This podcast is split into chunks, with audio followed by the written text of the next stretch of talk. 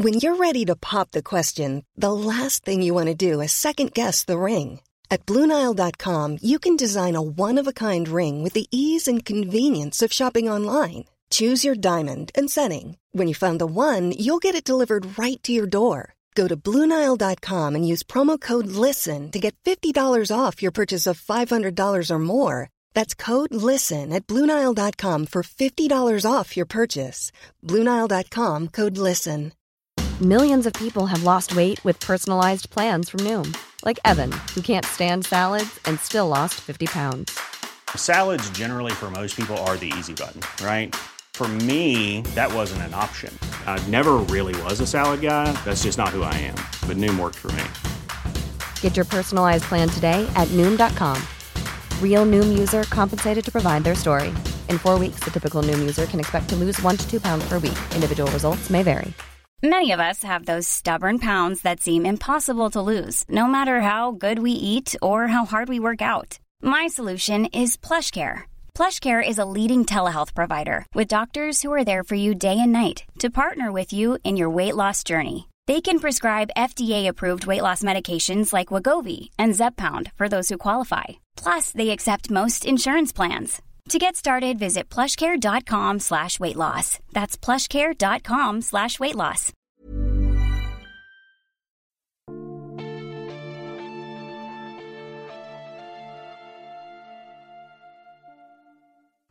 Välkommen till Sagan om Isfolket-podden avsnitt 13 Satans fotspår. Jag heter Dan och med mig har jag Anna. Hej Anna! Hej Dan! Hej! Hur pepp är du nu? Jag är väldigt pepp. Du vet, jag, jag, kom, jag började läsa om Isfolksagan. Och jag kom ihåg att jag tyckte Satans fotspår var den allra bästa boken i hela sagan. Och jag var ganska nervös inför den här genomläsningen. För jag tänkte, så bra är den väl inte? Men det var den!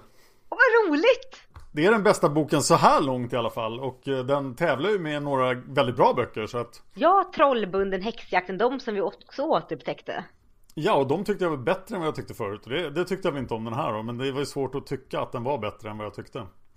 Så att nu under avsnittet ska jag försöka definiera varför jag tycker den här boken är så fruktansvärt bra. Men det kommer att ta en, mer än en timme skulle jag tippa. Spännande. Jag kan riktigt se framför mig hur du verkligen sett och läst sönder den här boken nu under veckorna. Jag har ju inte läst boken. Va? Jag har lyssnat på boken. Jag har lyssnat på en talbok från 2010 för det var det enda jag lyckades hitta. Men har inte du typ fyra upplagor av sagan? Jo, och i varenda upplaga av sagan så saknades bok nummer 13. Det var som att jag misstänkte en konspiration. Det var så här 11, 12, 14. Så jag har nästa bok. I flera upplagor. Det är ju jättebra. Men vad har bok 13 tagit vägen? Det är en jättebra fråga. Jag har ingen aning. Men det var väldigt annorlunda att lyssna på talboken och talböcker är ju böcker som är intalade för synskadade. Det är inte samma sak som ljudböcker. Utan den som läser upp försöker avsiktligt hålla sig så neutral som möjligt och läsa helt utan inlevelse. Oj, hur var det? Det här är ju en rätt känslosam bok. Ja, det var helt fantastiskt. Och eh, en grej var ju att man fick reda på hur saker och ting uttalas. Eller åtminstone hur han tyckte att det uttalades. Hur uttalas Ulvhedin då? Uh, Ulvhedin, nej, jo, så, Ulvhedin. Jag uttalar honom Ulvhedin i väldigt många år. Ja, jag med. Ulvhedin. Ulvhedin. Ulvhedin. Då får vi, vi försöka kommer säkert att ändra uttalet under avsnittet. det kommer vi säkert göra. En annan konstig sak jag upptäckt är att om man går in på iTunes och tittar på våran podd så finns det en flik som heter betyg och recensioner. Och där hittade jag fem stycken nya iTunes-recensioner. Så tack så jättemycket för dem. De ser man inte på iTunes webbsida. Nej, du skojar, vad roligt! Woho! Ja, och jag vet att du inte kan komma in på iTunes och se det här. Nej. För det är inte helt lätt då. Så att nu tänker jag läsa upp de fem. Ja! Åh, vad roligt! Och ja, det här, den första är från 15, 11 december. Så att Oj. vi har missat det här i några avsnitt. Och den första är från Solruna. Samtliga fem, nej, en är fyra stjärnor faktiskt. Alla andra är fem stjärnor. Först är det Solruna och hon ger oss fem stjärnor och säger så fint att återuppliva böckerna genom er. Smiley! Tack Solruna! Tack! Nästa är från Soap Duck, alltså Soppa-ankan. Hon säger Min nya favoritpodd väntar varje vecka. Heja er! Åh, Och fem stjärnor! Woho! yay! Och sen kommer Linda eller Absolut Fisk. Hon heter båda sakerna. Hon Okej. säger Jag håller på med min första genomläsning av böckerna. Ingen av mina vänner har läst dem eller är intresserade av att läsa dem. Så att lyssna på podden blir ett bra substitut till att diskutera med någon jag känner. Så tack! Jag uppskattar när ni påpekar viktiga små detaljer som jag som förstagångsläsare antagligen hade missat. Det bästa med podden är att det verkligen märks hur mycket ni gillar böckerna. Äkta nördglädje är det bästa drivmedlet. Åh, fint. Och det är ju så, det är ju sant, vi älskar de här böckerna så jädra mycket så det finns ju inte. Det är ju så. Hon ger oss också fem stjärnor. Vi går vidare till Anna F. Som säger det är fantastiskt att få återuppleva böckerna med er. Fem stjärnor! Wohoho! Tack Anna F. Linda och Soapduck. Det här är ju ännu fler recensioner. Det har kommit en ny Oj! igår. Igår? Ja, sex recensioner. Nästa är från Pixpoxy. Som ger oss fem stjärnor. Och säger Jag älskar den här podden. Den är freaking awesome. Den enda nackdelen är att ljudet svajar lite ibland. Och varför varannan vecka? Det är ju veckans höjdpunkt. Åh! Ska vi svara på den kanske? Ja, det kan vi göra. Har du någonting att säga om ljudet? Ja, att ljudet svajar, det är en åsikt vi har fått, eh, fått in liksom som den mest, som liksom vi har fått mest kritik för. Och i de första avsnitten, ungefär 1, 2, 3, 4, så kan jag väl säga att det berodde lite grann på att ljudet i mikrofonerna svajade. Men sen har vi löst upp det. Och mycket av det som händer med ljudet beror på att jag automatiskt har ett lägre röstläge än vad Dan har. Oj, jag är högljudd alltså. Du är högljudd och jag har lite mer mörkare röst. Egentligen borde det vara tvärtom i och med att kvinnor har högre pitchade röster men det är lite konstigt med oss uppenbarligen. Jag är en fangirl alltså, är det så? Du är en fangirl och jag är en sansad... Ja, du är en jättefangirl och jag är alltså den sansade fanboyen. Uh, Okej. Okej, så och att vi har så olika röstlägen gör att eh, ljudvolymerna blir lite svåra att justera i programmet vi klipper i. Men till det här avsnittet så har vi försökt att justera ljudvolymerna lite extra så förhoppningsvis ska den här episoden vara hyfsat bra när det gäller ljud så håll tummarna för oss. Vi jobbar i alla fall på att få ljudet helt perfekt. För att bli supertekniska, jag har sänkt min inspelningsvolym i Windows från 95 av 100 till 89 av 100. Får se om det hjälper. Mm, och jag har kvar min på 100 så det borde kanske jämna ut sig. Vi har diskuterat att eh, minska frekvensen till var tredje vecka för vi bedömer att folk inte hinner läsa lika fort som vi gör. Att eh, vi kommer ut lite för fort. Och den ändringen ska vi i så fall genomföra efter påsken då när vi gör live-podcasten nummer 17. Men vi vill gärna ha era synpunkter också så att eh, vi kommer nog inte göra den varje vecka om vi inte har tiotusentals lyssnare. Men eh, vad tycker ni? Skulle det vara bättre med tre veckor eller två veckor? Mm. Lämna en kommentar på Facebook-sidan så blir vi jätteglada. Ja, ni kan också lämna en kommentar på YouTube i vilken som helst av podcastavsnitten. Den sista recensionen kommer från Nolau. Och den Har vi en till? igen. Ja, det var den som var ny. Oj. Den är bara fyra stjärnor. Eh, jättekul att återuppleva böckerna och forumet som jag var en aktiv del av säkert närmare tio år sedan. Tycker att det blir bättre och bättre för varje avsnitt. Önskar att ljudkvaliteten kunde vara lite bättre ibland. Framförallt när Anna pratar. Ibland är det lite svårt att höra vad hon säger när jag skriker.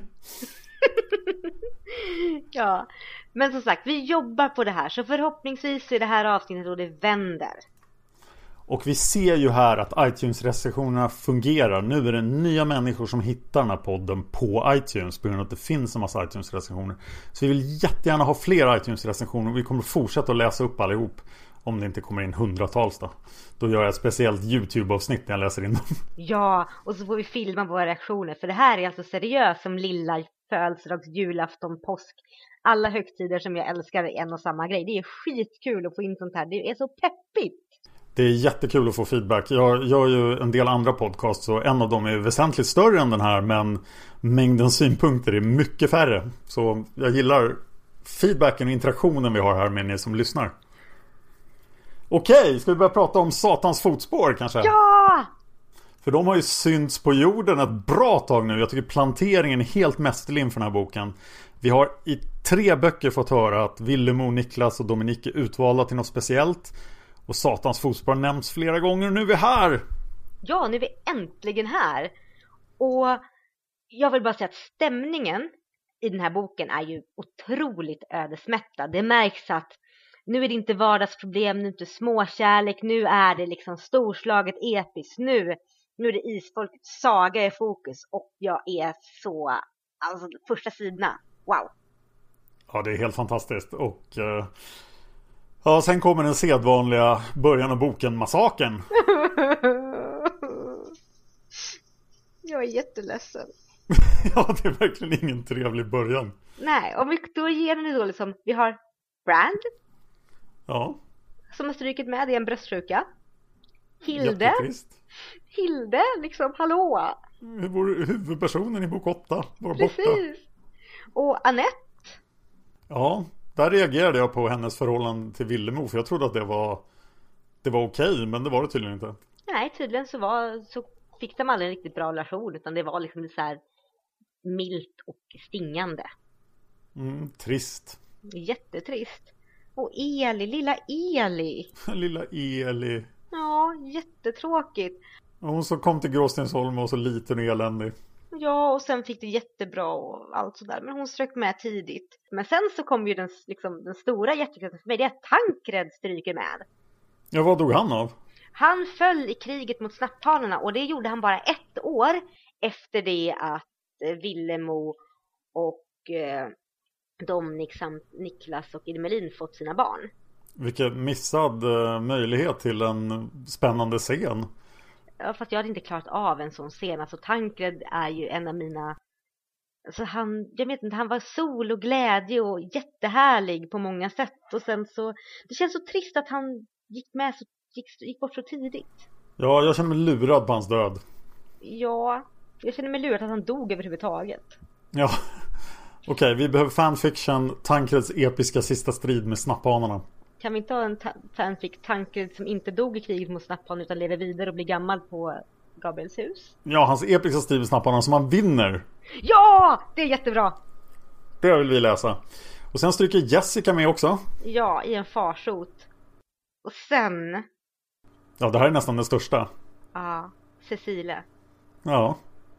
Död och begraven. 90 år, över 90 år blev hon.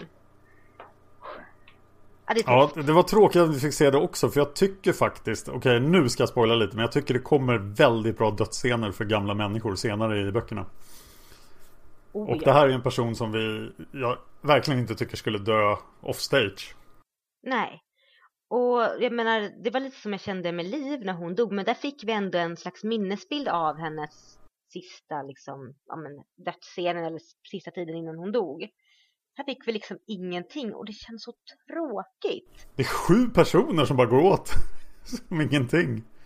Det är helt sanslöst. Jag inser ju nu när jag ögnar igenom släktet att Cecilie dog ju efter både Jessica och Tankred. Vad bittert. Jättebittert. Alla är borta. Förutom Tristan. Ja, han verkar inte vara så mycket att ha. Nej. Gud vad hemskt, han går runt ensam på Gabriels hus i Danmark. Nej usch! Det här, är, det här är ett väldigt stort hopp också i tid? Ja. Är det det största hoppet hittills kanske? Jag tror det. Jo, men det måste det vara. Ja, men sen drar det igång efter det här. Ja. Det är ett monster. Ja, och vi får ju reda på vad, vad den här termen satans fotspår innebär. Det är ju att vi har ju någon som går runt med en vanlig fot och någon med en halv fot. Och en halv fot kan tolkas som... En bockfot! Ja, och vem har bockfot? Djävulen! Precis! Nu jädrar, ta fram högafflarna och eh, ladda häxgevären. För nu, nu är folk vidskepliga. Och med all rätt, för det här är ju faktiskt till skillnad från många grejer ett riktigt monster. Det är ett riktigt monster. Jag noterar också som eh, intresserad av religionen i isfolket att vi får reda på att uh, djävulen inte finns i den här boken. Va? Ja, om det var någon av isfolket som sa det bara. Det inte var berättaren som sa det. Men det är någon som sa att äh, djävulen finns inte. Det är ett påfund av människor. Ja, men just det ja. Det säger de. Ja. Notera det för framtiden. Mm. Isfolket är ju väldigt pragmatiskt lagda. Ja. Eh, ska vi se då. Det finns... Ja, vad ska vi säga om det här monstret då? Vad gör han? Det vi ska säga är att det börjar ju lite så här småskaligt att folk ser lite spår av honom. Saker försvinner, man märker att han rör sig liksom mot ett visst håll. Och det är väl lite så här, ja, ja, ja. Men sen så börjar det ju hända att han, folk faktiskt aktivt dör. Ja. Och de dör på ett skumt sätt, det är inget våld. De verkar bli ihjälskrämda eller bara hittas döda. Han är jätteläskig. Det är väldigt läskigt. Och han är liksom inne, han är ju i landsbygden och sen så är han ju inne i staden, Christiania.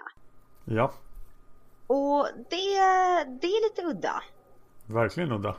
Ja, men han lyckas ändå hålla sig undan där och det är ju, ja, det klarar han sig. Men innan dess så får man ju mycket beskrivningar av folk som har sett honom och det talas ju mycket om de här, eh, om hans liksom fotspåren, att han är gigantiskt stor, det här odjuret, men också om de här märkligt formade skuldrorna, de här spetsiga skuldrorna. Ja, vi har väl den här fyllbulten som eh, ser honom och överlever. Ja, och de här eh, gula ögonen. Ja, Och då, eh, det är ju lätt att tolka det som att det här är en drabbad. och det, vi känner igen allt det här. Det här är ju en typisk drabbad då. Precis. Men det finns ingen... Ja, de förstår inte varifrån den här personen kommer om det skulle vara en av isfolket. Nej precis, för alla har ju fått barn, man har koll på alla släktord. Det är ingen som har haft någonting vid sidan om. Och det är ju isfolket väldigt noga med att hålla koll på det här. Och den enda lösa tråden är Tengels syster? Ja, Sols mamma? ja, Sunniva den äldre. För vi vet ju att Sol faktiskt hade en lilla syster. Och det är ju inte heller omöjligt att det finns en, en gren av isfolket som går ännu längre tillbaka. Precis. Innan historien började. Ja, Så de kan ju inte vara helt säkra. nej. Det finns många sådana här grenar som det skulle kunna vara, men de är inte helt säkra. Nej, men de känner igen det. Ja, och det som de är säkra på, i alla fall Willemo och Dominic, är att nu, nu händer det någonting. Mm, och här reagerar jag ganska mycket. För när Dominic får den här känslan att nu är det quest time. Då skriver han ett brev. Mm. Så, när han var liten då tyckte han nu åker vi till Norge. Men nu när han är, är ja, en vuxen man då tycker han ah, det är dags för vår episka livsquest. Vi skriver ett brev. Japp. Ja, och tydligen får de ett tillfredsställande svar för sen är det dags att dra. Precis. Men du får ju tänka på att de är lite äldre, det är inte så mycket spontant längre, så att planering, planering. Nej, det känns som vi har hoppat väldigt mycket i just Villemos liv faktiskt under alla de här åren. Mm. Så här, var hon... Det känns konstigt att hon bara skulle ha lugnat ner sig totalt. Det som jag tolkade som när man läser att hon har ju liksom Dominic är ju fortfarande svenska kungens kurir Ja, och de har, den svenska grenen av Isfolk har ju fortfarande väldigt starka band till Oxenstierna och adeln. Så det jag läser ut att Willem har ju varit en del vid hovet och förmodligen haft det väldigt roligt och trevligt. ja. Och kanske lugnat ner sig men hon har fortfarande där 7000 jävlar någonstans. Vi måste ju nämna Tengel den unge som man får heta flera gånger här, deras son då. Ja just det ja. Han har vuxit upp. Han kändes väldigt anonym. Han var charmig och klarade sig bra vid hovet. Mm. Lite perfekt. Ja, och lite söt så här. Det verkar jättebra. Mm. Lite småtråkig. Och uppenbarligen inte särskilt drabbad. Nej, en helt normal tonåring. Ja. Så iväg mot Norge. Ja, men innan dess så introduceras vi för en, en karaktär som vi träffade tidigare och det är Elisa. Ja, lilla Elisa. Ja, dotter till Lars och Marit. Ja, som rultade runt och hittade norska adelsmän när hon var ett. Ja, och jag tänkte på det för vi trodde att hon var tre, men ett år och pratade och gick. Man bara what the fuck. Ja, hon måste ha varit väldigt tidig i utvecklingen. Ja, jag har aldrig träffat en ettåring som är så pass framåt, men det kanske, alltså med tanke på att resten i hennes familj inte är de smartaste kaninerna i korgen så kanske det var ett tecken på att hon faktiskt är lite smartare än dem. Ja, och nu är hon 20. Hon är jätteglad och optimistisk. Mm, hushållerska på Lindalen åt Andreas. Ja, Ja, bra person. Jag gillar överlag Elisa väldigt mycket. Hon är jätteintressant. Eller intressant är hon kanske inte. Hon, är, hon känns lite som en schablon. Men hon är en schablon vi inte har sett förut. Precis, för vi har saknat de här alltså genuint glada, naiva människorna som tror på livet. Och det kanske Det kanske krävs för att hon ska klara av allting hon kommer bli utsatt för i den här boken. Eh, gud ja. Det, det lär det behövas. Rätt mycket. Ja, och är det Villemo eller Dominik som ser den där visionen av att de ska vara fyra? Det är nog Dominik ja. Ja, Som säger Vill- att vi kommer inte vara tre. Jag ser en fjärde men som är lite inte utkvalificerat om vem. Det är lite snyggt. Det är lite snyggt. Då kommer vi... Vad händer först här egentligen? Är det Kapten Dristig först här eller kommer de fram till Norge? Det är Kapten Dristig först för att det är... Kapten Dristig, ja. Alltså gud. Ja, förlåt, det här är en sån... Det är en sån schablonkaraktär. Ja, han har vi sett förut i flera av fogdarna och sådär. Men han kanske är lite mer ambitiös än de andra. Ja, men han heter Kapten Dristig. Jag kan inte ta honom på allvar. Han är väldigt svår att ta på allvar. Och knäcktarna känns som en oformlig massa. Ja, det är liksom så här. Hur många är vi? Vi vet inte riktigt. Så många som det krävs. Vargkusinerna. Ja. Nej men Kapten Dristig som då är den här modiga mannen som ska ta ner monstret. Och det börjar ju Christiania. Ja. Och där träffar vi en- även på Haltepinken. Åh, Haltepinken. Ja, det är jättefint. Ännu en av Margits förtappade. Ja. Det, det, men jag tycker det här med Haltepinken är en så liten scen. Men den gör så väldigt mycket sen när berättelsen väl kickar igång. Ja, jag hoppas han kommer tillbaka. Jag tyckte han var den intressantaste av alla, alla missanpassade som jag sett hittills. Ja, precis. Första som har ett, okej, Haltepinken är inte så mycket till namn, men som ändå har ett namn.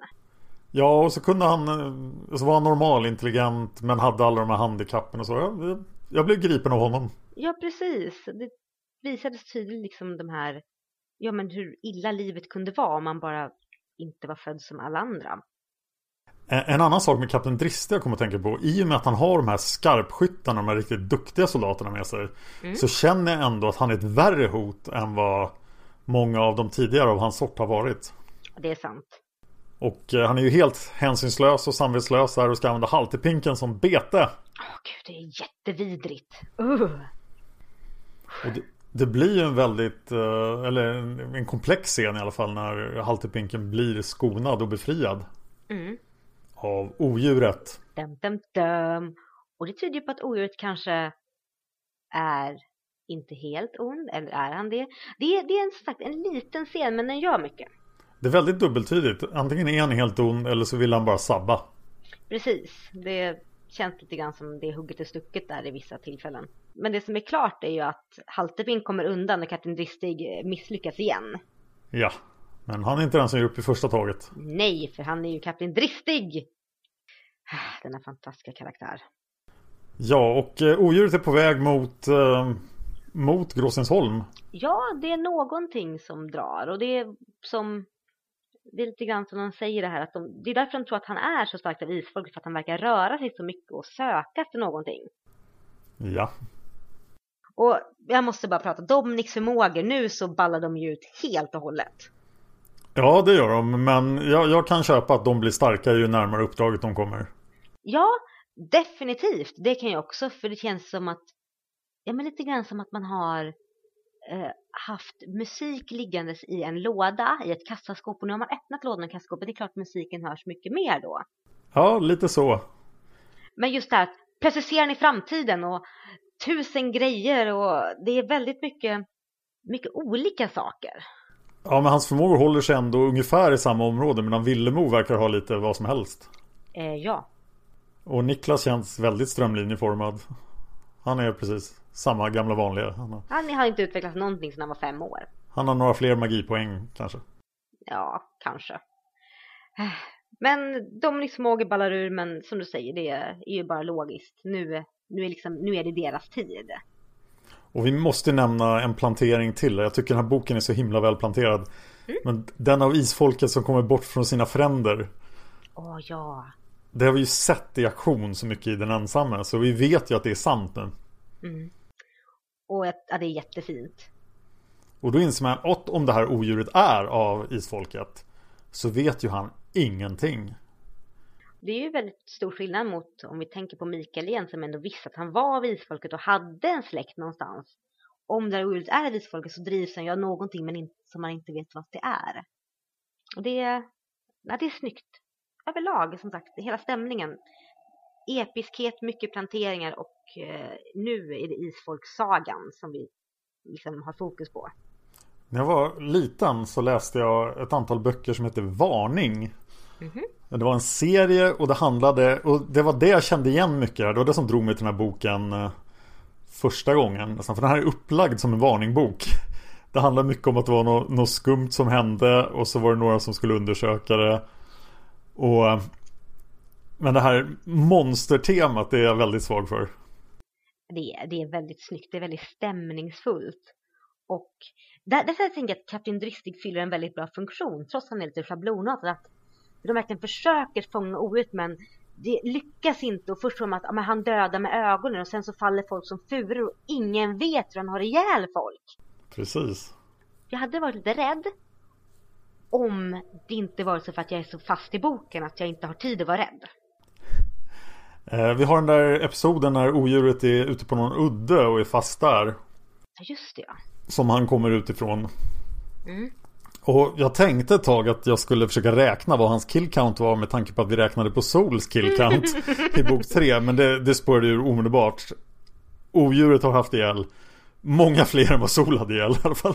Ja, hur många var Sol uppe i? Var det 14-15 stycken? Ja, det var någonting sånt. Och det, det han väl odjuret med innan, innan han ens kom in i historien känns det som. Japp. Vi försöker inte ens hålla en kill count där. Nej, jag började men sen blev det hopplöst. Mm. Och sen får vi faktiskt Irmelin en scen där hon spelade roll. Ja, jag tänkte på det och det är typ den första scenen någonsin där hon får lite substans. Ja, go Irmelin! Heja heja!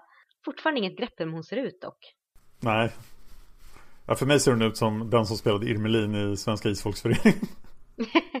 Bra där.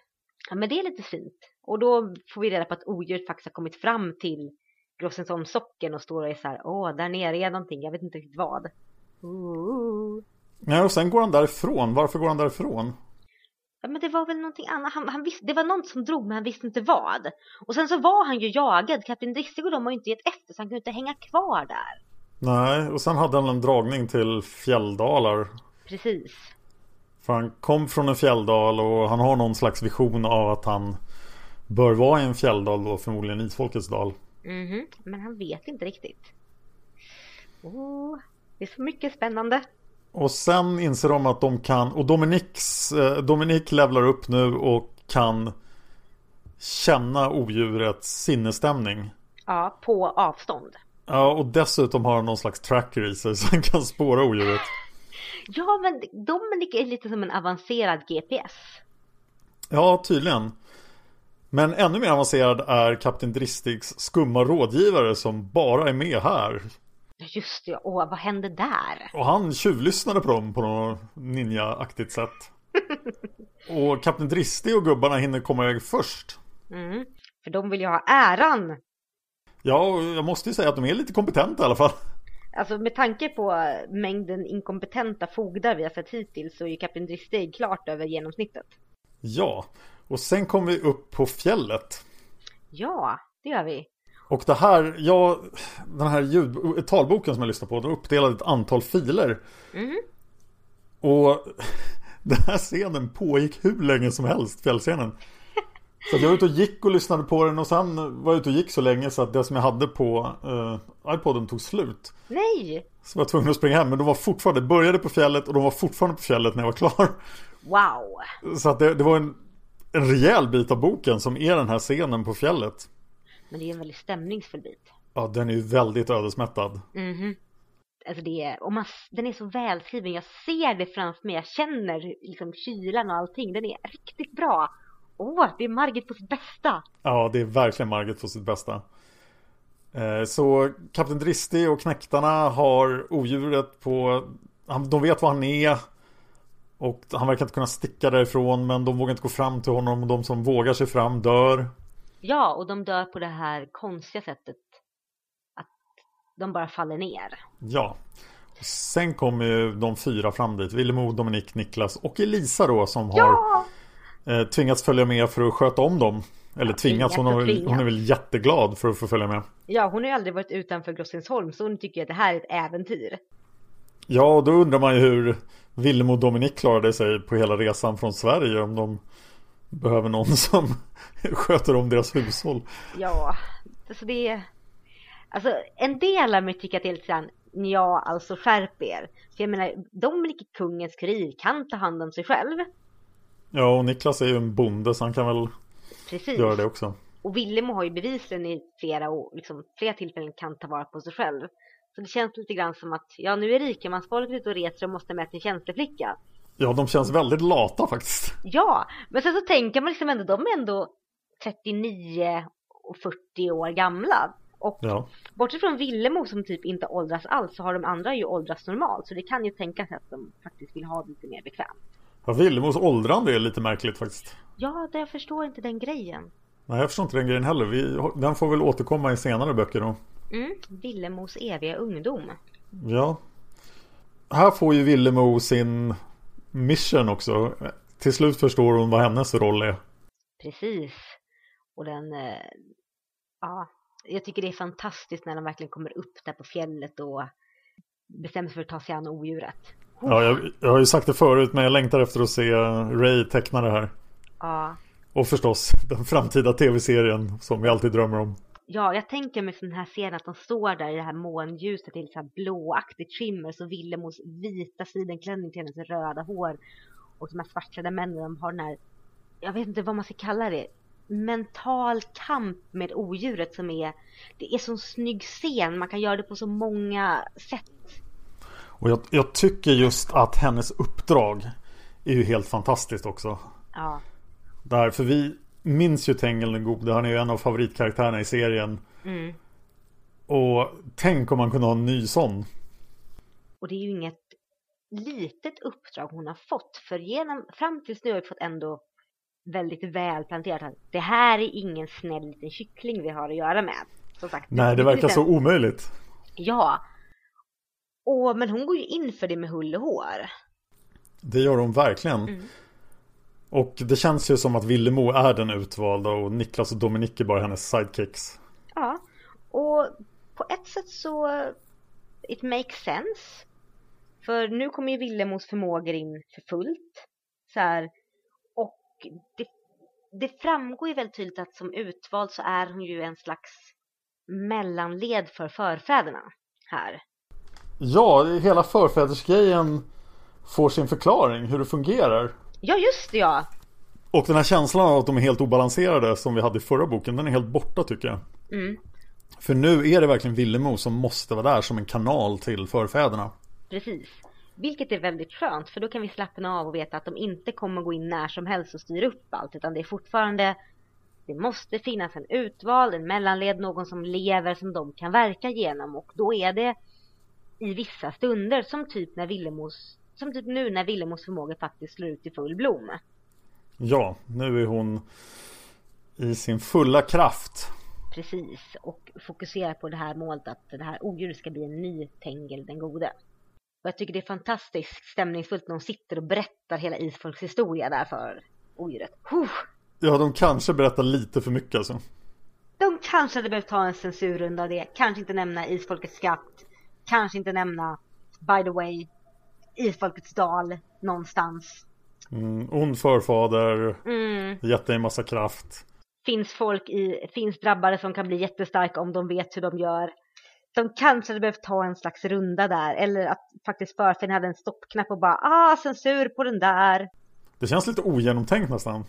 Ja, men å andra sidan jag hade ju blivit förvånad om Willem och plötsligt hade blivit världens mest genomtänkta människa. Hon må vara äldre och lite visare men alltså hon blir ju inte hon blir inte plötsligt en liv. Dessutom till hennes försvar måste man säga att hon faktiskt fick uppdraget här. Så hon visste ju inte vad hon skulle göra förrän nu. Nej, sant. Och också det, de har ju faktiskt aldrig träffat någon drabbad. Nej, det har de aldrig gjort. Nej. Utan det har Mattias och Kaleb. Och nu får de träffa en till snart. Yay, vad kul! Mm. Det var ironi. Ja, den, här, eh, den här diskussionen de har med odjuret och allting som händer på fjället känns nästan torftigt att tala om för att det var så jätteepiskt och när man försöker återberätta det här så, så känns det inte alls lika episkt. Nej, precis, men som sagt, jag vill se en serieversion eller en tv-serie av den här scenen. För, ja, jag får, lite, jag, jag får gåshud bara av att tänka på det, men som sagt, ni som inte har läst böckerna, läs den, Satans fotspår, en av de bästa scenerna någonsin. Det som, är, det som förvånade mig lite första gången jag läste den, och nu kommer jag ju faktiskt ihåg det, det var det här underliga armborstet han har. Ja. För då, då känner man ju först att det är, jaha, han var bara en, en stor missbildad kille med ett litet fånigt armborst med giftpilar. Mm. Men sen är det ju inte så ändå. Nej. Utan han har ju massa förmågor. Och gud ja vad han har. Det är rejält mycket. Alltså det här är ju...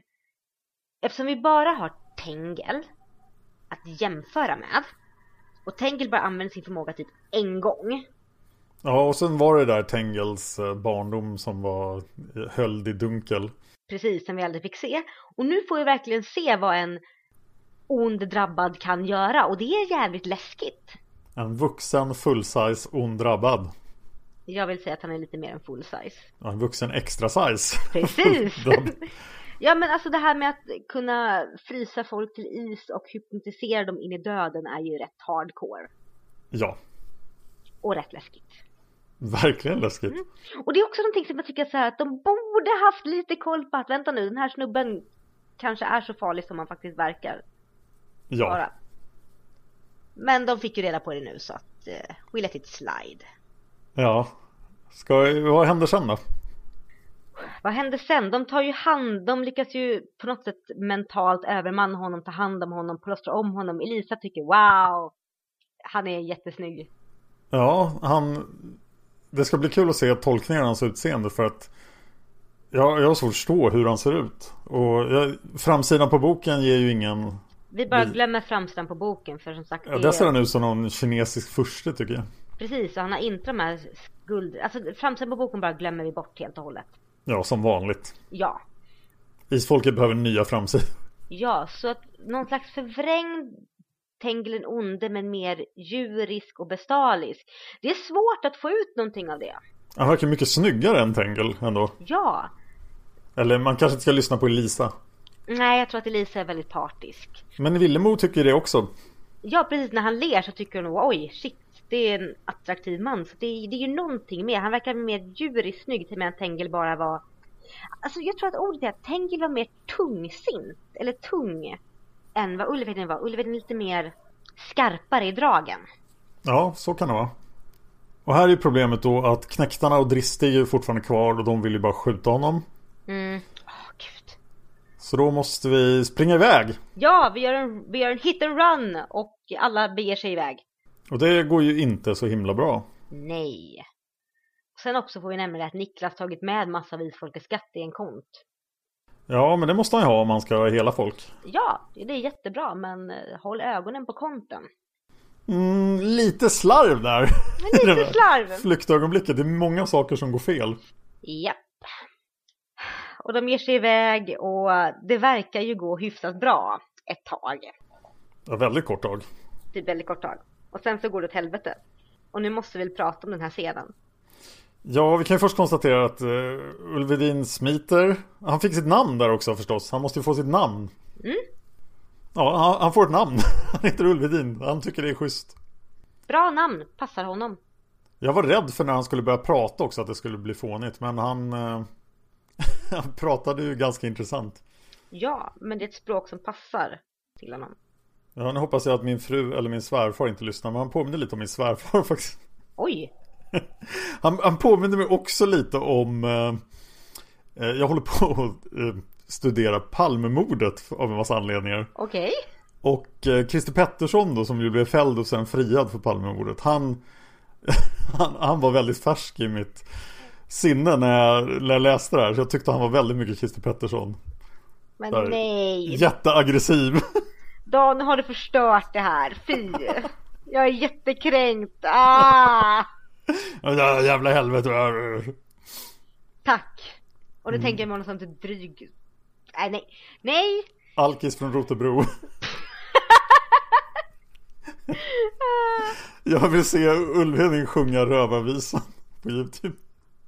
Nu får du gå och ställa dig i skamvrån Dan, det här är inte okej. Vi går vidare. Ja, det gör vi. Moving on.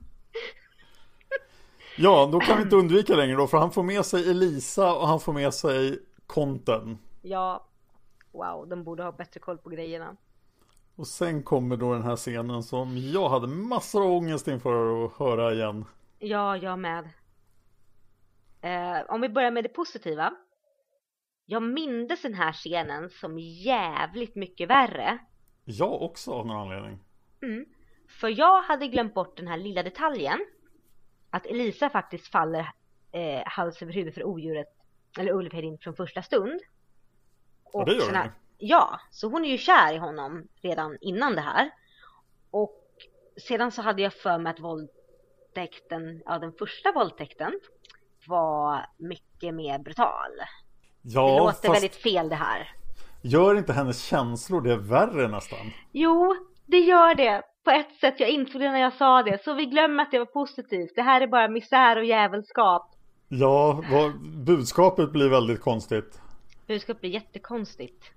Ja, Som sagt, det är tur att Elisa är en, den förlåtande, storsinta, hjärtevärmande person hon är. Så hon kan hantera detta. För det här är, det här är en flera råa, brutala våldtäkter. Ja det är fruktansvärt rått och brutalt. Ja, det är... Det, det går liksom inte att... Så här. Som sagt, den var värre i mitt huvud än vad jag trodde när jag läste om den. Men det hindrar ju inte att den fortfarande är riktigt överjävlig. Nej, och det är inte bara en gång heller utan det är ju flera gånger. Ja, och det är så väldigt mycket konstigheter och så mycket jobbiga känslor och så mycket ledsenhet och i och med att det är mycket från Elisas perspektiv så blir det väldigt jobbigt. Ja. Och jag måste inflika att jag, jag har ju nämnt det förut För det förekommer hela tiden i folkböcker Men i den här boken så spår det fullständigt med Var så snäll Ja, Vem säger det? ingen.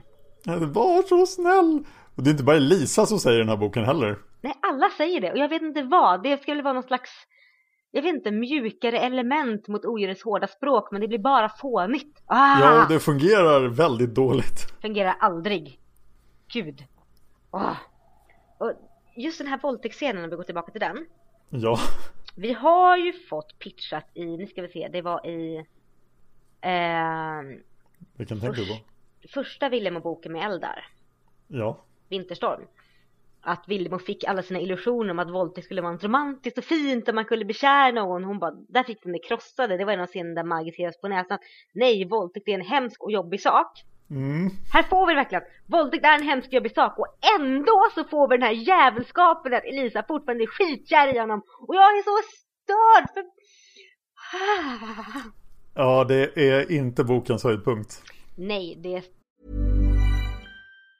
If you thought the only way to get a more defined jawline with natural looking results was through surgery, think again. Juvederm Volux XC is a non surgical injectable gel filler that improves moderate to severe loss of jawline definition and can help you achieve natural looking results with little downtime. Even better, this improved definition lasts up to one year with optimal treatment. No maintenance required. Improve jawline definition for a smooth, sculpted look with Juvederm Volux XC. For important safety information and to find a licensed specialist, visit juvederm.com. That's J U V E D E R M.com. Not for people with severe allergic reactions, allergies to lidocaine, or the proteins used in Juvederm. Common side effects include injection site redness, swelling, pain, tenderness, firmness, lumps, bumps, bruising, discoloration, or itching. There's a risk of unintentional injection into a blood vessel, which can cause vision abnormalities, blindness, stroke, temporary scabs, or scarring. Talk to a licensed specialist to find out if it's right for you. This Mother's Day, celebrate the extraordinary women in your life with a heartfelt gift from Blue Nile.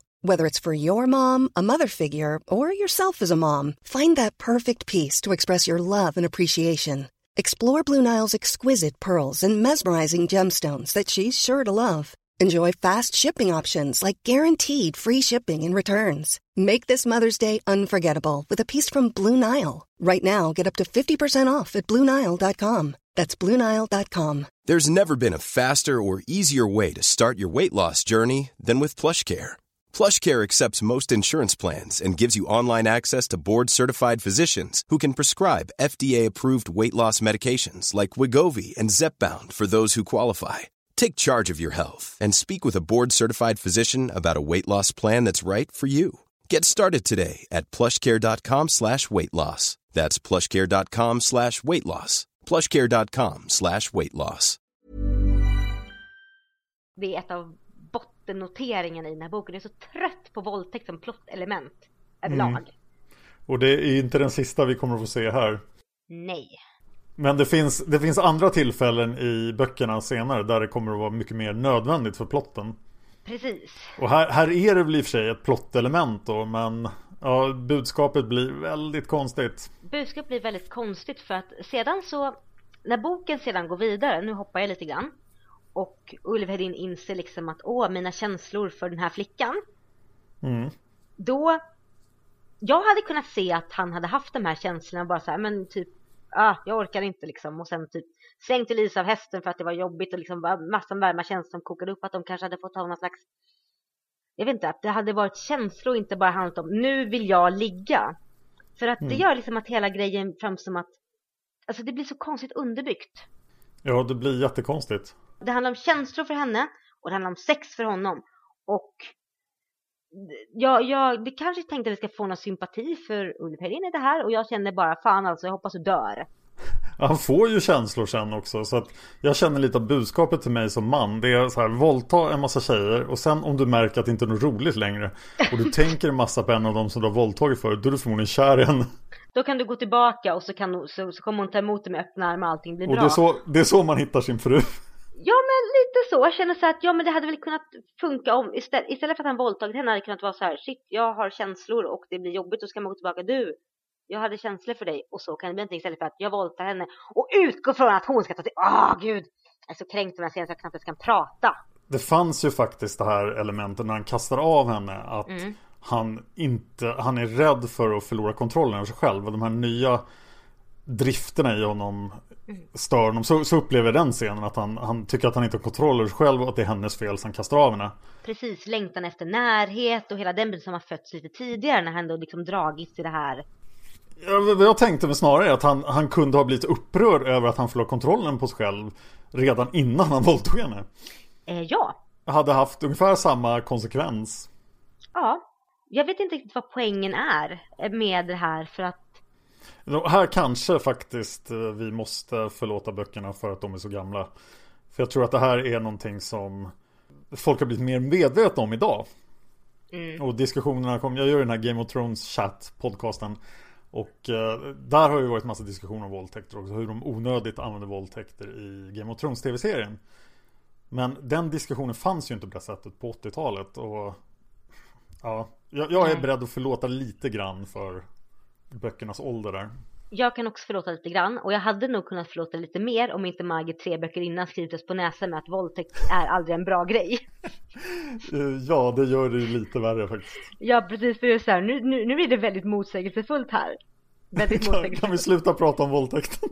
Ja, vi slutar slå om våldtäkten och så eh, går vi vidare till att Ulf Hedin åker hem till Grossensholm och Lindalen och snor skatten. Han är ju jätteföretagsam. Han, han är mycket snabbare än eh, Dominik och Willem och Niklas. Han tar sig till Gråstensholm, han pressar ur eh, var skatten är. Från Mattias. Åh, Mattias. Ja, han drar Mattias ner för trapporna bara för att Mattias vägrar släppa skatten. Åh, Mattias. Ja.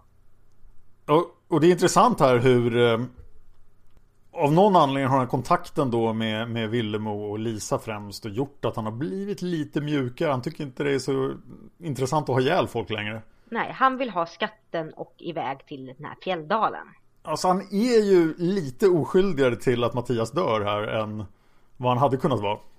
Ja, det, Det är är lite Mattias fel på något litet sätt. I och med att han håller fast vid de här grejerna när jätteotäcka Ulf Hedin kommer. Ja, samtidigt förstår jag Mattias i och med att han vet hur illa det går när någon får tag på skatten. Särskilt en drabbad. Ja, så man kan förstå att han höll in tag in i det sista. Precis. Eh, Vi har glömt en viktig detalj tycker jag. Oj, mm. Som är en väldig del av eh, Redemption-historien här. Eh, Hästen. Och ja, hästen! Ja, Hästen tyckte jag var jättestark. Margit är ju så himla bra på att skriva djur. Ja, verkligen. Och det är en, det är en grej som pitchas väldigt mycket för just för isfolket, att isfolket har en stark kärlek för djur. Ja, och det har ju han verkligen. Han blir ju verkligen vän med den här hästen. Det känns som att hästen lär honom empati och förståelse för andra varelser och viljan att ta hand om. Ja, hästen är bättre på att omvända Ulfhedin än vad Dominik och Niklas är.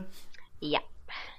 Men det kanske är så. Någon som bara, någon som man får ta ansvar för. Sen måste han ha med sig Kaleb. Och för Kaleb har ju varit med till Isfolkets dal, vilket Villemo sa. De borde verkligen mm, ha ett snack om vad de skulle säga inte innan. allt. Nej, precis. Det är en dålig grej. Dålig grej.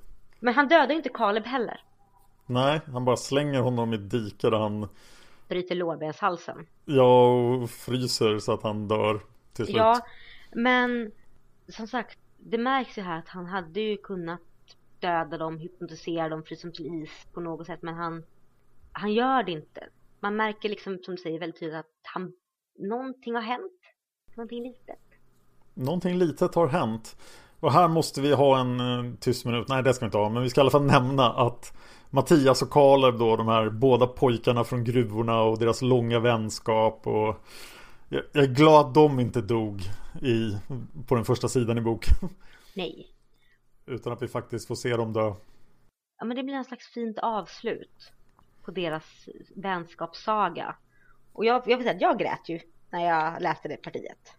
Jag grät faktiskt inte den här boken men jag vet inte, det kanske berodde på formatet att jag lyssnade på den så att det kändes inte likadant som att läsa det. Nej, kanske. Nej, jag, tyckte, jag grät lite grann för jag, jag det kändes som att det var som slut från liksom, jag, jag mindes hela bok nummer sex igen när jag, deras dödsögonblick kom. Och då blev ja. det väldigt starkt. Ja, de fick ju ett långt och lyckligt liv i alla fall. Ja, tillsammans med liksom, med sina älskade med barn och barnbarn omkring sig. Och jag tycker Gabriellas inställning är ganska märklig faktiskt. För den ändras ju sen också. Ja. Men här är hon så här, jaha, Karl är död. Så. Ja, han skulle ändå dö. Precis. Jag tänkte på det också. Jag tolkar det som att Gabriella här är i någon slags stark förnekelsechock och tänker det var bäst det som skedde. Så kan det ju vara i och för sig. För att kunna hantera att hennes livskamrat är borta och gick bort på ett så brutalt sätt. Ja, så att efter ett tag så har hon kommit över den och då får hon sin verkliga reaktion. Precis, alla känslorna på en och samma gång. Ja, sen kommer Elisa hem. Mm. För hon klarar sig som tur var.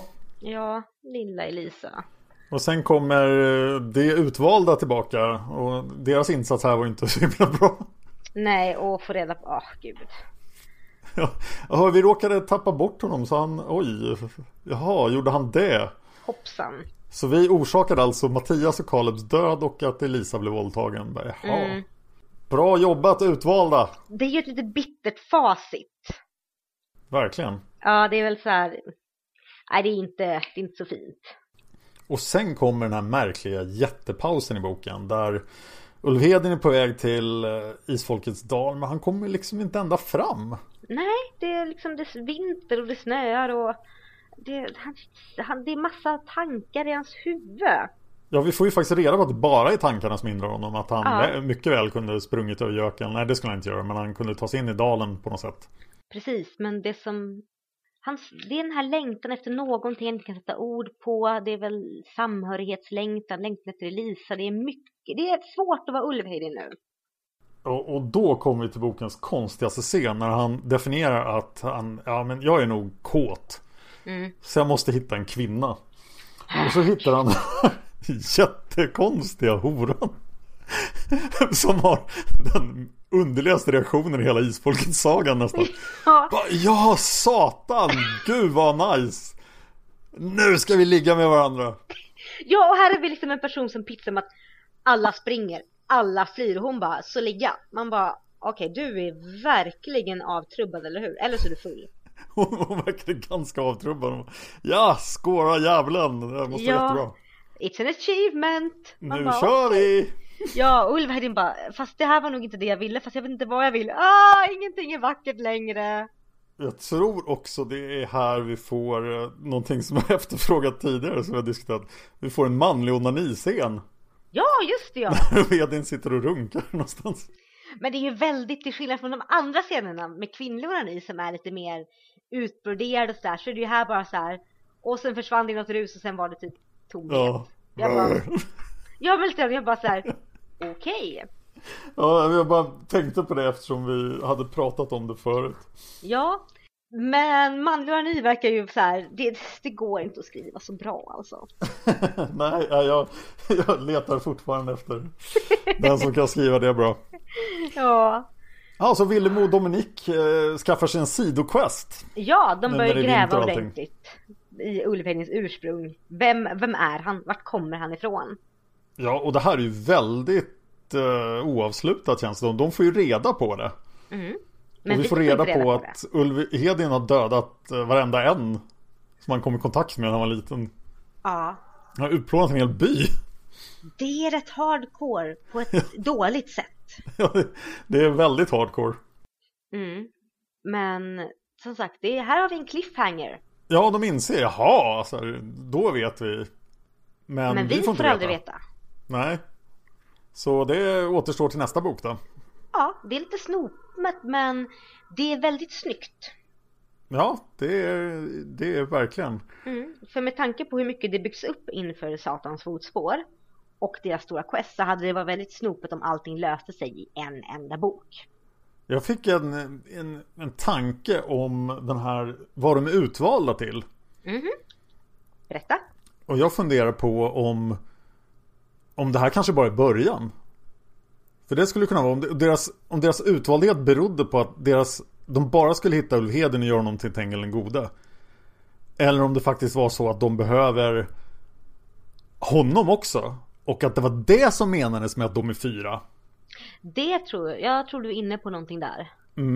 Så att, eh, och de behöver en ny Tengil den gode för att lösa det här de egentligen ska göra Jag tycker det låter helt rimligt för att om vi tänker på det annars hade det ju inte varit så eh, det inte varit så stort. Nej, och så cliffhangerna fortsätter ju till nästa bok här. Det är, Vad ska de nu göra med honom? Men nu hoppar jag framåt i handlingarna. Vi vet, Ja. får reda på att Elisa är gravid också. Ja, och här får vi igen en slags crash course i att eh, folk på 1600-talet var idioter. Hur så? Ja, men när hon får besök av de här kyrk... När Andreas får besök av de här kyrkherdarna som bara Du måste driva denna syndaktiga kvinna på porten. Ja, Hon det. våldtagen. Ja, men är det inte alltid kvinnans fel? Jag bara, jag ska visa dig vad det är för fel. Jag ska hajfa vid ansiktet med en stol så att den inte kan stå upp. Det är onekligen lite moral där. Och eh, de, de finns också alltid i isfolksböckerna känns det som de här snörpiga kyrkorådsmedlemmarna. Precis. Och jag är väldigt glad att det ändå framhålls att isfolket faktiskt är lite bättre än alla andra. Och jag har ingenting emot att det faktiskt trycks åt att de är bättre människor. För det gör mig väldigt glad. Ja. Och Elisa är ju förstås, nej jag ska inte göra någon abort utan det är klart jag ska ha mitt barn. Mm. Men också det är så här, de hade ju inte kunnat göra någonting åt det för Ullevedin har ju tagit hela skatten. Ja det är sant. Och eh, ja, isfolksbarn brukar inte gå att göra sig av med i alla fall. Har vi lärt Nej. oss. Precis. Så hon är ju glad och lycklig och knotar på och hon så här, allting blir bra och hon... Hon är verkligen otroligt positiv. Ja, herregud. Mest positiva människan någonsin. Mm, Mitt barns pappa är ett monster som har mördat en massa folk och nu sprungit iväg upp i fjällen. Men jag är glad ändå. Men titta vilket fint barn jag fick. Ja, och hon är ju jätteglad över det här barnet. Och det är ju de andra också. Det är ju, tack och lov så var ju liksom det en lätt förlossning och allting är bra. Ja. Ja, vad otroligt traumatiskt det hade varit om hon faktiskt hade fött en drabbad. Ja, herregud. Det hade varit jobbigt. Jättejobbigt. Det hade nog... Hade lilla Elisa fått ett drabbat barn och strykit med så hade ju hela min tro på mänskligheten gått i bitar. För vi vet ju inte vilken generation Ulvedin tillhör. Nej, för vi har ingen koll Vi antar ju kanske att han tillhör generationen efter Villemo och kompani. Ja, fast vi vet inte. Men Jon är ju nästa generation i så fall. Ja, Så att han skulle mycket väl kunna vara drabbad. Och, det, precis. och förbannelsen har inte svikit oss hittills. Så att någon kommer ju bli drabbad i nästa generation. Ja. Men det verkar onekligen inte vara Jon. Nej, Jon verkar helt normal. Om han inte är en dold drabbad. Dum, De finns ju dum, också. Dum, dum. Mhm. Vi minns, eh, vi minns Trond. Ja, och sen eh, vänder Ulvedin. Ja, och kommer tillbaka till Linda-Lena Grossensholm. Och det här hade lätt kunnat bli ganska fånigt. Jag tycker det kommer sådana ögonblick senare i sagan som faktiskt är bara rakt fåniga. Men det här blir jättebra. Ja, det blir det. Det är så väldigt mycket känslor i det här. Det är väldigt mycket känslor och jag tycker nästan bokens bästa ögonblick är när han ber Villemo Ja! Lär mig det! Precis, och det är sånt Det är så otroligt starkt ögonblick, så mycket känslor för det har varit så otrolig uppändning i så otroligt mycket tragedi som har föregått det här ögonblicket liksom med både Mattias och Kaleb, Elisas våldtäkt samtidigt som det är glädje för att Jon har liksom kommit och så det här totala att de faktiskt lyckades. Och sen tycker jag ju speciellt att vi nu faktiskt har fått se lite grann vad en drabbad kämpar med. Ja, för det här, man kan ju inte säga någonting annat än att det här är en riktig kamp för honom. Precis, och det här ger oss också insikten vad faktiskt Tengil den gode gjorde. För vi har ju fått, vi har ju fått reda på att åh, han var egentligen jätteond men han bestämde sig för att inte vara det. Mhm. Men här får vi se den sidan mycket tydligare. Oh ja, det är otroligt mycket de har att kämpa med. Och det kanske också ger oss insikt i Kolgrim. För han Ja. hade ju inget intresse av att vända det här. Nej men precis. Och jag, jag tycker att det ger, tillsammans med Kolgrim och Tengil den gode, ger en väldig bild av vad de drabbade brottas med. Mm. Och Sol såklart också. Ja, fast hennes drabbning känns så annorlunda från deras. Ja, det är sant. Eh, Men det här är ju standardförbannelsen. Mm. Är vaniljförbannelsen. Förbannelsen 1.0. Och det här kommer vi få se igen. Och de drabbade har ju ett val. Och Ja. de kan hjälpas. Men vissa kommer inte att välja det här. Nej, vi har sett Kolgrim och det gick inte bra. Och det är inte över för Ulvheden utan han kan ju mycket väl ramla tillbaka i det. Men här har han ju bestämt sig. Han har Han älskar sin son. Han älskar Elisa. När hon lirkar in Jon i hans famn. Det tyckte jag var ganska gulligt. Det är jättefint och så det här men det är sånt skört vackert ögonblick när han ser sin son första gången. Ja.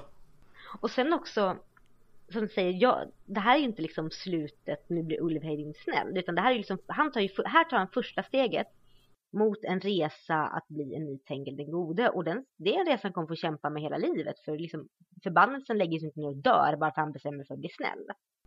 Nu, nu tycker jag att jag pratar om kommande böcker hela tiden. Jag måste ändå nämna att jag tycker den här början för honom är så fantastisk också. För att det här är en av mina absoluta favoritkaraktärer i hela sagan. Mm. Och det beror inte bara på den här fantastiska boken utan även på vad han kommer att göra senare. Mm. Ja, jag, Ulvhedin är en favorit för mig också. Han är fantastiskt cool helt enkelt. Ja, väldigt, jag vill säga mångfacetterad men det kan man inte säga riktigt heller men alltså att man, man känner hans kamp på ett väldigt konkret sätt mot sitt onda arv. Jag tycker faktiskt han är mångfacetterad och att det, det hjälper så mycket att vi har sett den här förbannelsen förut. Att Ja, vi har en insikt i vad det är han kämpar med och Ja, jag tycker bara det är jättebra från alla sidor. Ja, det är det verkligen. Och nu får ju Gabriella lite informationer som vi inte får. Nej, Som gör att hon ändrar åsikt igen.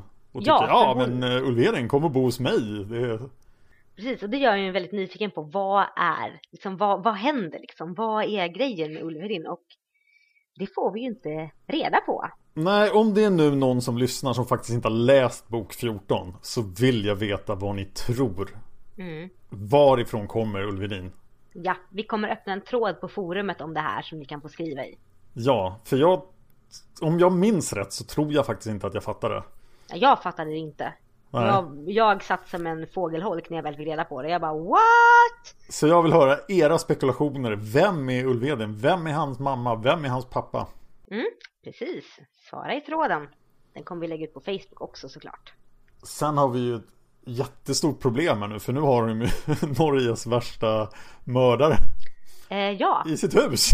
ja Alltså, och det är inte så att han är lätt att gömma undan. Nej, Kapten Dristig lyckas ju bli dödad av en björn. Lite. Sjukt oepiskt. Ja, det känns som han slog på slumptabellen så här. Jag blir mördad av en, ja, en björn. Japp. Kunde ha blivit en älg om jag hade slagit ett mer. Mm. Ja, konstiga rollspelsreferens. Ja, men det är som sagt, de har Norges värsta brottsling under sitt tak och det här det går inte att gömma undan honom så det är en liten knivig situation för isfolket nu som verkligen vill att Ulvhedin ska fortsätta på den goda vägen. Ja, det går inte att maskera honom direkt. Nej, och det kommer bli väldigt svårt. Ja, och det finns ju ingen kvar som minns Tengel den gode heller, så att det argumentet kommer inte fungera. Nej, precis. Särskilt inte när, särskilt inte som Tengil den gode inte mördade sig genom halva Norge. Nej, precis. Oj, vilken bok! Vilken bok! Ska vi gå in på... Ja, vi har lite formalia. Vi ska... Ja, först ska vi be er sätta betyg på den här boken på Isfolksforumet. Ni hittar forumet på isfolket.se, klicka på forum. Där kan ni även leverera era synpunkter på nästa bok innan vi spelar in den. Ja! Så gå till forumet, häng på forumet. Eller på vår Facebookgrupp. Gör det, det blir roligt. Ja, och på forumet så frågade vi då några stycken vad de tycker om den här boken. Mm -mm. Och vi fick några svar. Fick rätt mycket svar. Ja, det gillar vi. Ja. Första svaret kommer från Heike. Och vi ställde vi några intressanta frågor den här gången när vi körde på standardfrågorna. Standardfrågorna. Vad ja, vad tycker du om boken? Vilken är bokens bästa ögonblick? Och vilken är din favoritkaraktär och varför? Och här kommer Heikes svar. Den här boken verkar vara favorit hos många, men inte hos mig. Visst den är bra, men den når inte upp i toppen. Positivt, äntligen får vi veta vad de tre utvaldas uppdrag går ut på och en okänd ättling av isfolket avslöjas. Negativt, många i, boken, många i släkten har dött sedan senaste boken. Eli, Hildebrand, Cecilie, Tankred, Anette och Jessica har gått bort utan att jag har fått vara med och sörja. Cecilies död känns värst. Hon har varit en så stark person genom så många böcker. Och nu är hon bara borta. Vilket är bokens bästa ögonblick. Kaleb och Mattias dör samtidigt. Det är fint. Annars är min favoritscen när det visar sig hur fäst Ulf Hedin är vid sin häst. Jag blir tårögd av att läsa hur han tar hand om sin enda vän i världen och inger lite hopp att han faktiskt ska gå att omvända till det goda. Vilken är din favoritkaraktär och varför? Jag måste nog säga, säga Ulf Hedin. Han är ändå stjärnan i boken och får ett lyckligt slut. Men jag tycker inte han blir riktigt sådär ond som författaren nog vill. Han blir mer sarkastisk och spydig än genomond. Detta är också att jag börjar undra över hur farligt drabbad han är. Det finns hela tre utvalda som har som enda uppdrag att oskadliggöra honom, vilket tyder på att han anses ganska farlig. Men kunde då inte förfäderna ha fixat så att det kom en massa utvalda när Kolgrim föddes till exempel? Men där vet vi ju faktiskt att då fanns det ingen som kunde kanalisera förfäderna. Precis. Plus att eh, vi spekulerar ju att det här inte var det enda uppdraget heller. More to come, perhaps. Jag fortsätter med Heikes svar. Kärlekssagan mellan Elisa och Ulfhedin har jag svårt att se det fina i. Jag kan inte alls sätta mig in i hur hon kan gå tillbaka till honom och älska honom efter att han har våldtagit henne gång på gång.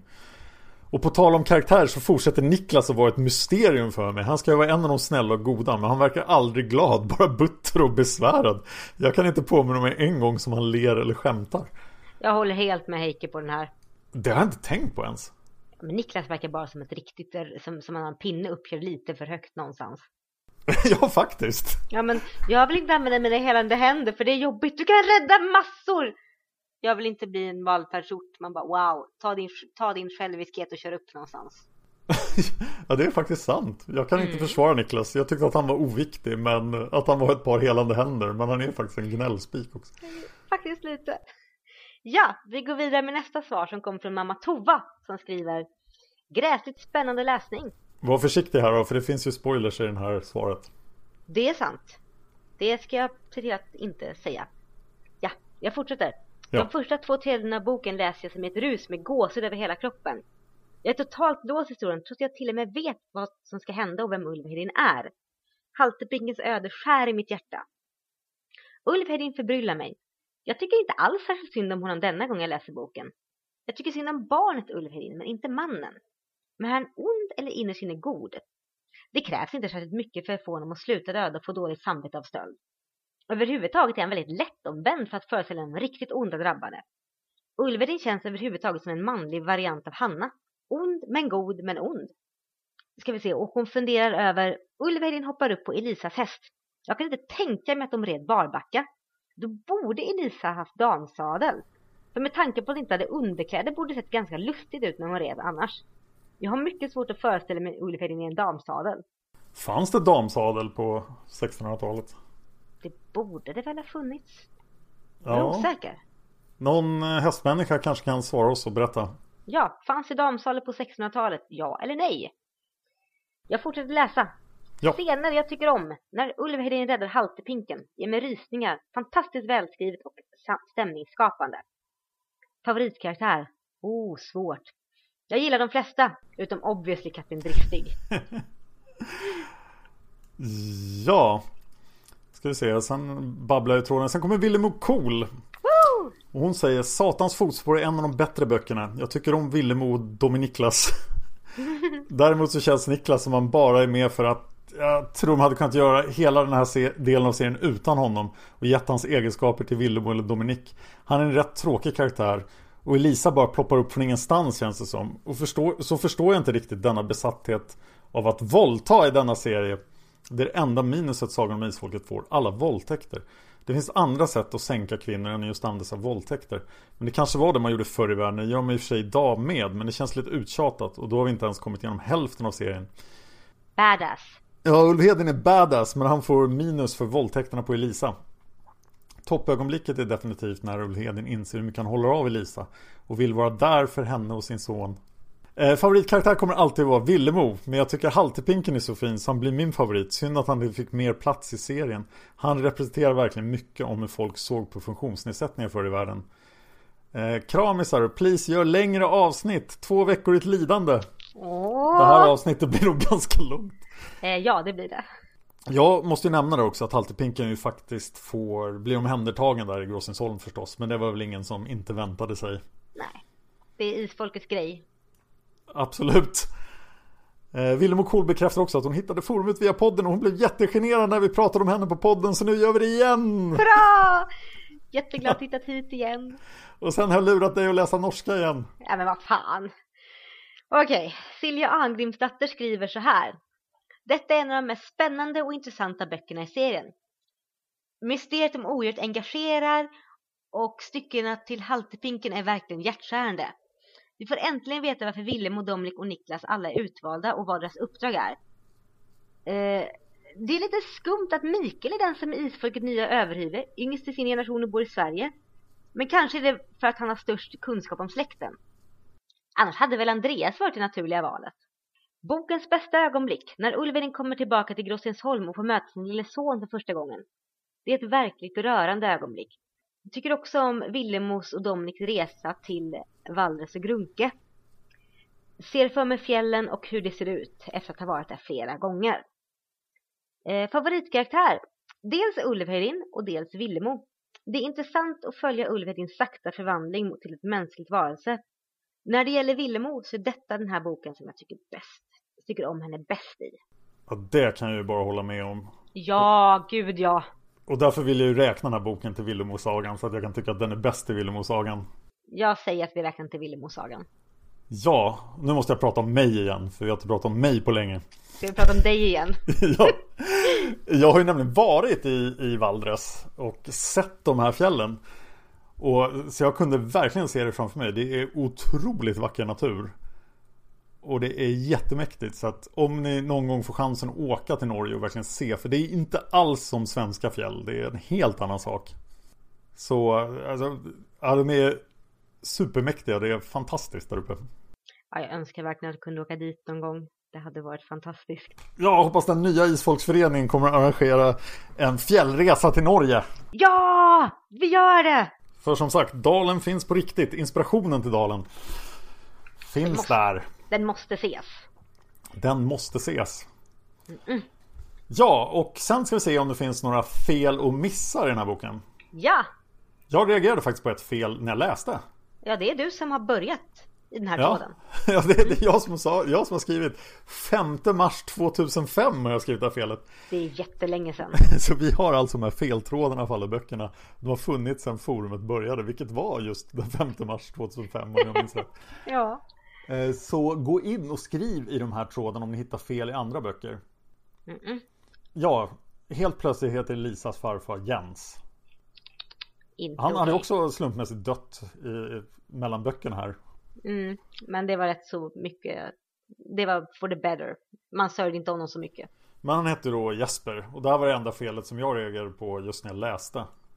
Ja, för det är så väldigt uppenbart. Det är, det är liksom tre gånger på en sida. Precis. Ja, det bara helt... Jag, jag håller på att kolla nästa fel här efter spoilers. Men det verkar inte finnas några spoilers där så du kan ta det. Vad är det? Är det Heikes? Ja. Mm. I början av boken står att Satans fotmål redan syns till på jorden när Willemo kom hem med sin nyfödde son. Enkel matematik. Sonen Tengil är född 1677, Ulvedin är född år 1674 och var bara tre år. Då hade han inte fått sin fot avhuggen eller kunde således inte satt Satans fotspår i jorden. Åh. Mm. Fail. Det står även att ett odjur härjade i trakten för 10-15 år sedan. Då skulle Ulvedin varit mellan, 16, mellan 6 och 11 år. Även om han är hårt drabbad så är han bara ett barn i åldern, kan, inte, kan väl inte härjas så allvarligt som antyds i boken. Han var nog en jättestor tioåring. Ja, han, han tog ju livet av en hel by, men vi får aldrig veta för alla som kände honom är döda. Ja. Mm. Eh, Heike skriver också att de drabbades skuldror beskrivs ofta som kinesiska kragar. Men hur känt var Kina egentligen i Skandinavien under 1500-1600-talen? Någon historiekunnig som vet? Dan? Det är väl någonstans den här vevan som porslinsimport och sånt där börjar. Men eh, det låter ju väldigt tidigt. Och Ja. det låter ju inte som någonting som folk på Gråstensholm skulle känna till. Eller kanske ändå. Uh, väldigt osäker alltså. Google. Ja, Google säger, jag vet inte. Ostindiefararna började ju gå Jo, ja. Det, det stämmer. Det, det, det fanns nog porslin i alla fall. Men sen är frågan om man kan förmedla liksom, kinesiska kragar via porslin. Men det kanske fanns bilder på porslinet då. av- Ja, å andra sidan, jag kan ju tänka mig att kanske på Gabriels hus kanske man hade koll på det här. Men Lindal är en liten norsk dal och Gråstensholm. Jo, men det hade kommit lite porslin dit. Vi, jag förlåter det här. Jag Okej. tror på porslin på Gråstensholm. Okej, we let it slide. Yes. Heike skriver vidare. På sidan 179 säger Elisa att fru Willemo aldrig varit husligt lagd och hellre hoppar över alla måltider än lagar dem själv. Hur kan Elisa veta det? Willemo har ju bott i Sverige nästan hela Elisas liv. Uh-oh. Å andra sidan kanske Elisa är bra på att bedöma folks karaktär.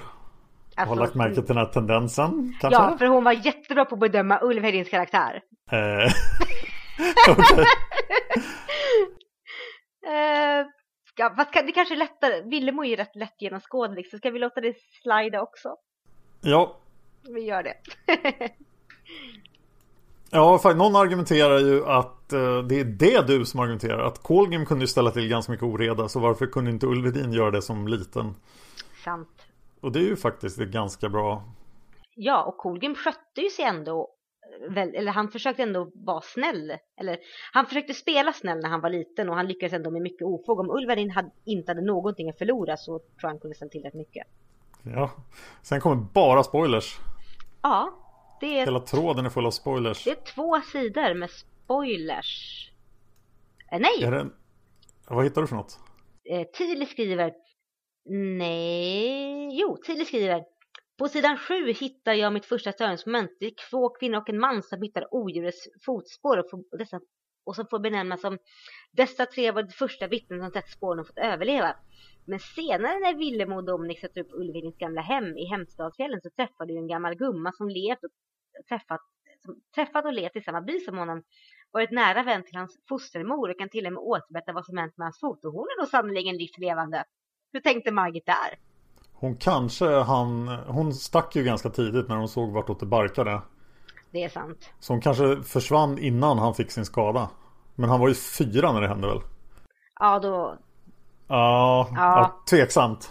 tveksamt, mycket tveksamt. Men det var alla missar som stod uppskrivna. Var det alltid? Är det bara spoilers på nästa sida också? Sen är det bara resonemang om eh, gummans vara eller icke vara. Alright. Betyder det att vi är klara med det här avsnittet? Jag vill prata mer om Satans fotspår. Men det får du inte, men det blir ju mer Ulvheidin kanske i framtiden. Ja, det ser jag fram emot. Men nu vet jag inte riktigt om vilken bok jag ser fram emot mest. Jag känner lite grann att bok 29 ska bli väldigt roligt att prata om. Ja, bok 29, det är min favoritbok. Är det din favoritbok? Ja, det är min favoritbok. Herregud! Jaha, vad kul! Det, eftersom jag läste Isfolket i oordning, så är bok 29 den första boken jag läste. Oj, det måste ha varit förvirrande. Eh, ja, och jag älskar den fortfarande av hela mitt hjärta, hela min själ. Jag blir tårögd bara av att sitta och prata om den. Ah, Oj! ja, jag kände det i hela bröstkorgen att det bara så här. blev jättekänslosamt. Det är verkligen min favoritbok. Och sen ser vi fram emot bok 17 också förstås eftersom vi ska göra det live. Ja, hurra! Och bok 17 är en väldigt speciell bok. Den är jättespeciell. Som inte påminner om någon annan bok eller sagan. Nej, och tur är väl det. ja, nu ska jag sluta prata om framtida böcker. Eh, då är vi klara. Det var dagens avsnitt. Var kan lyssnarna hitta mer av dig, Anna? Ja, jag har en Facebook-sida för Seras som ni jättegärna får gå in och gilla. För där postar jag både eh, länkar från min blogg, sunaseras.blogg.se och även annat som jag tycker är intressant som har med spel, feminism, antirasism och typ bara roliga katter att göra. Och så finns jag på Twitter under Anna Seras och där är jag rätt aktiv. Och Dan, vad kan man hitta mer av dig? Ja, jag finns på Twitter som Dan Horning för Ö var dåligt. Eh, jag finns på Facebook som Dan Hörning då, det är enda som heter. Jag eh, håller på med massa historieprojekt på iTunes som Fan och History Podcast och även på YouTube som Fan och History. Och det är faktiskt, har jag sysslat med jättemycket idag. Så att idag har jag gjort eh, två podcaster som handlade om 800-talet före Kristus. Grundandet av Kartago. Jag har gjort ett avsnitt som författades av en kille i England som handlar om 9000 till 8500 före Kristus. Coolt. Och jag har gjort massor om Stockholms blodbad. Mindre coolt. Och jag hoppas, vi är inblandade i att göra en tv-dokumentär om Stockholms blodbad. Woho! Så jag hoppas verkligen det blir någonting som vi får ett produktionsbolag till. Men just nu är det mycket research om Stockholms blodbad. För jag är ledsen att isfolket inte började 60 år tidigare så det hade kunnat vara med. Mm, ja, det är synd. Ja, tack så mycket för att ni lyssnar på oss. Jag hoppas ni kommer tillbaka när det är dags för den sista riddaren. Hurra! Så får ni ha det så bra till dess. Hej då! Hej då!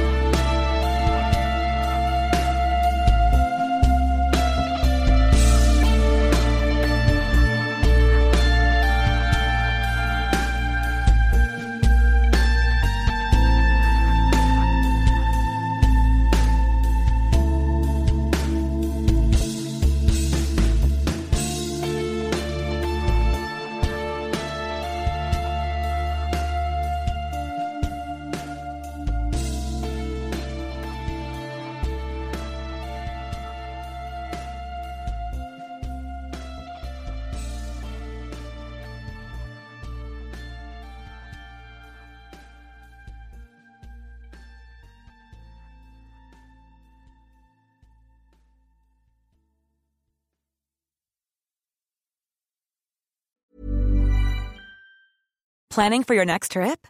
Elevate your travel style with Quince. Quince has all the jet setting essentials you'll want for your next getaway, like European linen, premium luggage options, buttery soft Italian leather bags, and so much more. And is all priced at 50 to 80% less than similar brands. Plus, Quince only works with factories that use safe and ethical manufacturing practices. Pack your bags with high-quality essentials you'll be wearing for vacations to come with Quince. Go to quince.com slash pack for free shipping and 365-day returns. Hi, I'm Daniel, founder of Pretty Litter. Cats and cat owners deserve better than any old-fashioned litter. That's why I teamed up with scientists and veterinarians to create Pretty Litter. Its innovative crystal formula has superior odor control and weighs up to 80% less than clay litter. Pretty Litter even monitors health by changing colors to help detect early signs of potential illness. It's the world's smartest kitty litter. Go to prettylitter.com and use code ACAST for 20% off your first order and a free cat toy. Terms and conditions apply. See site for details. Planning for your next trip? Elevate your travel style with Quince. Quince has all the jet setting essentials you'll want for your next getaway, like European linen, premium luggage options, buttery soft Italian leather bags, and so much more. And is all priced at 50 to 80% less than similar brands. Plus, Quince only works with factories that use safe and ethical manufacturing practices. Pack your bags with high-quality essentials you'll be wearing for vacations to come with Quince. Go to quince.com slash pack for free shipping and 365-day returns.